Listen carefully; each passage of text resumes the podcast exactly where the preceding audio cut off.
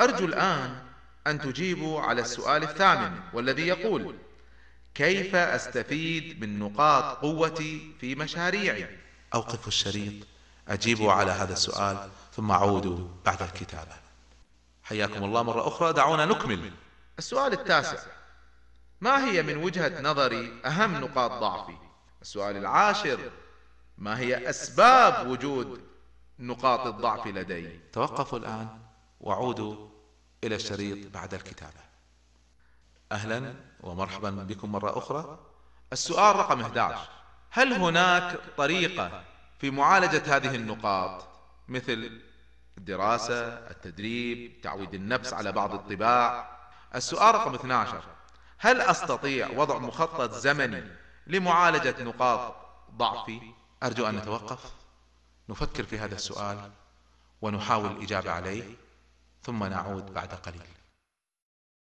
سنكمل الحديث في بعض المبادئ الأساسية التي تحكم ترتيب الأولويات. فإن تكرمتم تنتقلوا معي إلى السؤال 13 من ضمن الأسئلة التي في الكتيب.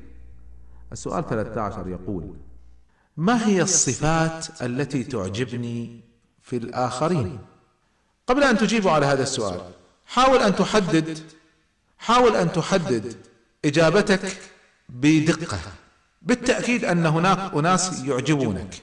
لا يعقل أن كل الناس لا يعجبونك. أكيد في أناس يعجبونك. قد يكونوا في التاريخ قد يكونوا في العصر الحاضر. أرجو أن لا تجيب على السؤال الآن. اسمع معي. ثم سأطلب منك أن تتوقف بعد قليل لتجيب على السؤال في الكتيب. لكن تأمل معي. هؤلاء الذين يعجبونك وترتاح إليهم ما الذي يعجبك فيهم؟ ما هي الأخلاق أو ما هي القدرات أو ما هي الصفات ما هي المزايا التي في هذا الإنسان التي أعجبتك أو أعجبتك؟ حددوا الإجابة. صحيح هي صفات في الآخرين لكن جميع الدراسات تثبت أن الإنسان يحب في الآخرين ما يحب في نفسه. وذلك أنا أسألك عن الآخرين لكن في الحقيقة أنا أسألك عن نفسك. وأحيانا الإنسان حتى يكتشف نفسه لابد أن يفكر في الآخرين. يقول والله نعم أنا تعجبني في هذا الإنسان أنه ما يغضب. هذه صفة جميلة أنه لا يغضب. معناها أنت أو أنت تحبون هذه الصفة أن تكون فيكم. الصفات التي توجد في الآخرين بعضها عندنا وبعضها نحن نعجب بها لكنها غير موجودة عندنا. ويأتي سؤال هنا مصاحب هل يستطيع الإنسان أن يكتسب الصفات التي غير موجودة حاليا عنده؟ القاعدة بناء على دراسات كثيرة تقول أن الإنسان إذا تجاوز عمره سبع سنوات يصبح تغيير الصفات صعب وكلما كبر الإنسان كلما صارت أصعب. وذلك أعمق تربية وأهم تربية هي التي تعمق في أول سبع سنوات من حياة الإنسان. هناك هناك تصنع الأخلاق والقيم والمبادئ والعلاقات والشخصية تبنى في تلك الفترة. إذا نحن لما نفكر في الصفات التي تعجبنا في الآخرين نحن في الحقيقة نفكر في الصفات التي تعجبنا في أنفسنا وبعضها موجود فينا وبعضها غير موجود. والذي ما هو موجود فينا نحن قادرين على اكتسابه. وإن كان أصعب كلما كبرنا في السن لكنه ممكن. نعم يحتاج إلى جهد يحتاج إلى إرادة بالتأكيد. ودعوني أقسم هذا السؤال إلى سؤالين. سؤال ألف من هم الأشخاص الذين أعجب بهم؟ أنا بودي عندما تجيبون على السؤال بودي أن تجاوبوا على مرحلتين. سأقسم هذا ألف إلى واحد واثنين. بعض الناس من التاريخ يعجبونكم. طبعا بالتأكيد النبي صلى الله عليه وسلم الأنبياء عليهم الصلاة والسلام بالتأكيد. لكن من غيرهم؟ الأنبياء لا شك هم القدوات والأنبياء عليهم السلام فيهم الكمال البشري. وبالتالي يصعب علينا أن نصل إلى هذا الكمال البشري لأن فيهم كل القدرات والمواهب. في غير الأنبياء كل واحد يتميز بشيء معين. أنا أذكر أني في خلال حديثي مع الشباب لاحظت أن بعضهم يحب عمر بن الخطاب رضي الله عنه حبا شديدا أو علي بن أبي طالب رضي الله عنه آه، حبا شديدا. يتعلقون بشخصية معينة. لماذا؟ يمكن لأن آه، شخصيات فيها قوة فيها شدة فيها حماس فيها مواجهة للباطل. هذه صفات يحبها الشباب. أنا شخصيا لما كنت أدرس في التاريخ الإسلامي والسيرة النبوية سيرة النبي صلى الله عليه وسلم كنت وأنا صغير متعلق جدا بعمر بن الخطاب رضي الله عنه وأتمنى أصير مثله ودائما أضرب به المثل. لما كبرت سبحان الله بديت أنضج أكثر صارت قدوتي أكثر في أبي بكر الصديق رضي الله عنه لأن لعله سبحان الله بلينه وسماحته ورقته لعله توافق معي أكثر. في فترة الشباب والحماس الإنسان يتعلق بشيء معين يمكن لما ينضج يبدأ يفكر فعلا بما يتناسب معه فعلا على المدى أطول. إذا ما هو غلط أن الإنسان يقتدي بعلي أو عمر أو عثمان أو خالد أو طلحة أو ما هو غلط. لكن هو السؤال الذي نحن نريد أن نصل إليه هو ما الذي يتناسب معك مع طبيعتك أكثر؟ أريدك أن تتأمل في التاريخ في غير الأنبياء عليهم الصلاة والسلام. لأن الأنبياء كما ذكرنا اكتملت فيهم صفات البشر. من من هؤلاء الذين في التاريخ يعجبك سواء في التاريخ القديم أو التاريخ الحديث؟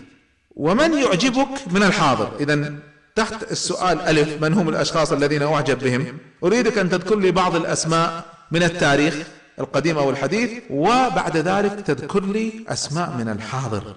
اكتبوا لي لو سمحتم من غير الأنبياء عليهم السلام وغير الرسول صلى الله عليه وسلم اكتبوا لي. ثلاث أسماء في الماضي وثلاث أسماء في الحاضر.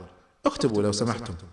شاركوا معي ثلاث أسماء تاريخية تعجبكم وثلاثة أشخاص ما زالوا أحياء. تعرفونهم معرفة مباشرة أو تسمعون عنهم في حياتهم وتسمع أخبارهم أو تقرأ عنها. من يعجبكم من هؤلاء؟ هذا السؤال سيعيننا على الدخول في عمق ماذا تريد وعمق من أنت. إذا أجبت على هذا السؤال أيضا تجيب على الجزء الثاني من هذا السؤال الذي هو باء. لماذا أنت معجب بهم؟ ماذا يوجد لديهم من صفات جعلتك تعجب بهم؟ تأمل في الأسماء التي كتبتها. ما هي الأشياء المشتركة بينهم؟ ما هي الصفات المميزة لديهم؟ حاول أن تكتبها. هذه الصفات هي الأقرب لنفسك مثلا ستجد أن كلهم يشتركون في أمور معينة كأن يكونوا كلهم مجاهدين أو كلهم علماء. أو كلهم مفكرين أو كلهم بارزين في العطاء والخير أو الاقتصاد. إذا كان هناك شيء مشترك أيضا هذا سيساعدك على بلورة المجال الذي يناسبك. هذه كلها عوامل مساعدة تعين الإنسان لأن الإنسان أحيانا يجيب بإجابة خاطئة على السؤال ما هو المجال الذي أريده؟ هذه كلها أسئلة ستساعد الإنسان في تقييم السؤال الرئيسي. السؤال الأول ما هو المجال الذي أريد أن أكرس حياتي له؟ أحيانا نجد بعض الناس يمثل المرونة يمثل أنه مرن ومتسامح لكن لما تشوف قائمة الأشياء التي يعجب بها وقائمة الأشخاص ستجدهم أنهم كلهم مجاهدين. خالد الوليد عمر المختار عبد الله عزام الله يرحمه تجد أنه في قرارة نفسه رغم أنه يحاول أن يمثل المرونة هو متعلق بالجهاد. إذا لابد أن يعيد النظر فعلا في نفسه. وقد يجد إن لا الأشخاص الذين متعلق بهم قد يكتب أسماء مثل ابن عباس وابن حنبل والأستاذ عنده في الجامعة. اذا هذا الإنسان الصفة التي تعجبه ويتعلق بها هي صفة العلم. اذا هذا لابد أن يعيد النظر وفعلا يتوجه نحو العلم. فهناك صورة نمثلها للناس لكن الصورة الحقيقية تكتشفها أنت وتكتشفين أختي وبنتي من خلال هذه الأسئلة. أسئلة تعين الإنسان على اكتشاف نفسه على اكتشاف ذاته على اكتشاف قدراته وبالتالي يصل إلى إلى اكتشاف المجال الذي يستطيع أن يبدع فيه. الآن أوقفوا الشريط لو سمحتم. أجيبوا على السؤال الثالث عشر. ما هي الصفات التي تعجبني جدا في الآخرين؟ ألف من هم الأشخاص الذين أعجب بهم؟ واحد من التاريخ ثلاثة أسماء واثنين من الحاضر ثلاثة أسماء وبعدين نحلل هذا في الجزء الثاني. باء لماذا أنت معجب بهم؟ حاول أن تذكر ثلاث أسباب. حلوا هذا السؤال ثم ارجعوا بعد قليل. تفضلوا. أهلا بكم. لعلكم أجبتم على السؤال الثالث عشر. سؤال صعب. لأنه في النهاية يلخص للإنسان ماذا يريد. الآن سننتقل إلى السؤال الرابع عشر. السؤال الرابع عشر. من هو الشخص الذي كان له أكبر الأثر في حياتي؟ أريدكم أن تعطوني اسم شخص واحد. لا تعطوني شخص من التاريخ. بالتأكيد الرسول صلى الله عليه وسلم هو صاحب أكبر تأثير في حياتنا. لكن أنا أقصد هنا التأثير المباشر الذي عايشتموه. الشخص معين أنتم احتكيتوا به وغير حياتكم. من هو هذا الشخص الذي كان صاحب أكبر تأثير في حياتكم؟ لازم يكون عندكم جواب. صحيح قد يكون هناك في ناس متقاربين. اختار واحد منهم لا مانع. فنبدأ بهذا السؤال. السؤال مهم جدا. وحاول أن تفكر قد يكون أستاذ قد يكون والدك والدتك أحد من أقاربك قد يكون صديق من أصدقائك قد يكون شيخ من الشيوخ قد يكون سياسي كبير قد يكون إنسان مشهور احتكيت به. كل واحد فينا شكل في هذه القضية.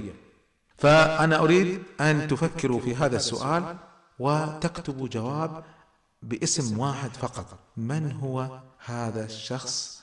الذي كان له أكبر تأثير في حياتكم أرجو أن تتوقفوا الآن تفكروا في هذا الاسم تكتبوه ثم تعودوا بعد كتابة هذا الاسم لأكمل معكم الحديث في هذا الشأن. تفضلوا لو سمحتم. أرحب بكم بعد أن أجبتم على السؤال الرابع عشر. من هو الشخص الذي كان له أكبر تأثير في حياتكم؟ الآن سننتقل إلى السؤال الخامس عشر. لماذا كان لهذا الشخص هذا التأثير الكبير في حياتك؟ هذا هو السؤال المهم. ماذا أثر فيك؟ ماذا أثر في حياتك؟ ماذا اكتسبت منه أو منها؟ لماذا هذا الإنسان بالذات كان له تأثير كبير على حياتك من بين باقي الناس؟ إذا كان واحد كتب أبوه لماذا أبوه وليس أمه؟ وإذا كان كتب أمه لماذا الأم وليس الأب؟ لماذا صاحبك أو أستاذك؟ لماذا هذا الشخص بالذات؟ ما هو التأثير الذي تركه عليك؟ هذه كلها أسئلة في النهاية لما تجاوبها بعمق. أنت في الحقيقة تكتشف ذاتك تكتشف قدراتك تكتشف حتى أهدافك. تستطيع أن تحدد أهدافك في المجال الذي يناسبك. تستطيع أن تحدد أولوياتك. فيما بعد سنفصل في هذا. لكن أنا أريد الآن الإنسان أن يفهم نفسه في البداية. وكلما كان واضحا مع نفسه كل ما كان أقدر على تحديد خطة وترتيب لأولوياته وترتيب لحياته. كثير من الناس لما يجاوب على هذه الأسئلة ويجاوب عليها لأول مرة يفكر فيها في حياته طبعا إحنا مشترطين انه لازم تجاوب يعني ما يصير واحد بعض الناس يمسك الكتيب ويقرأه ما, ما ينفعك بشيء.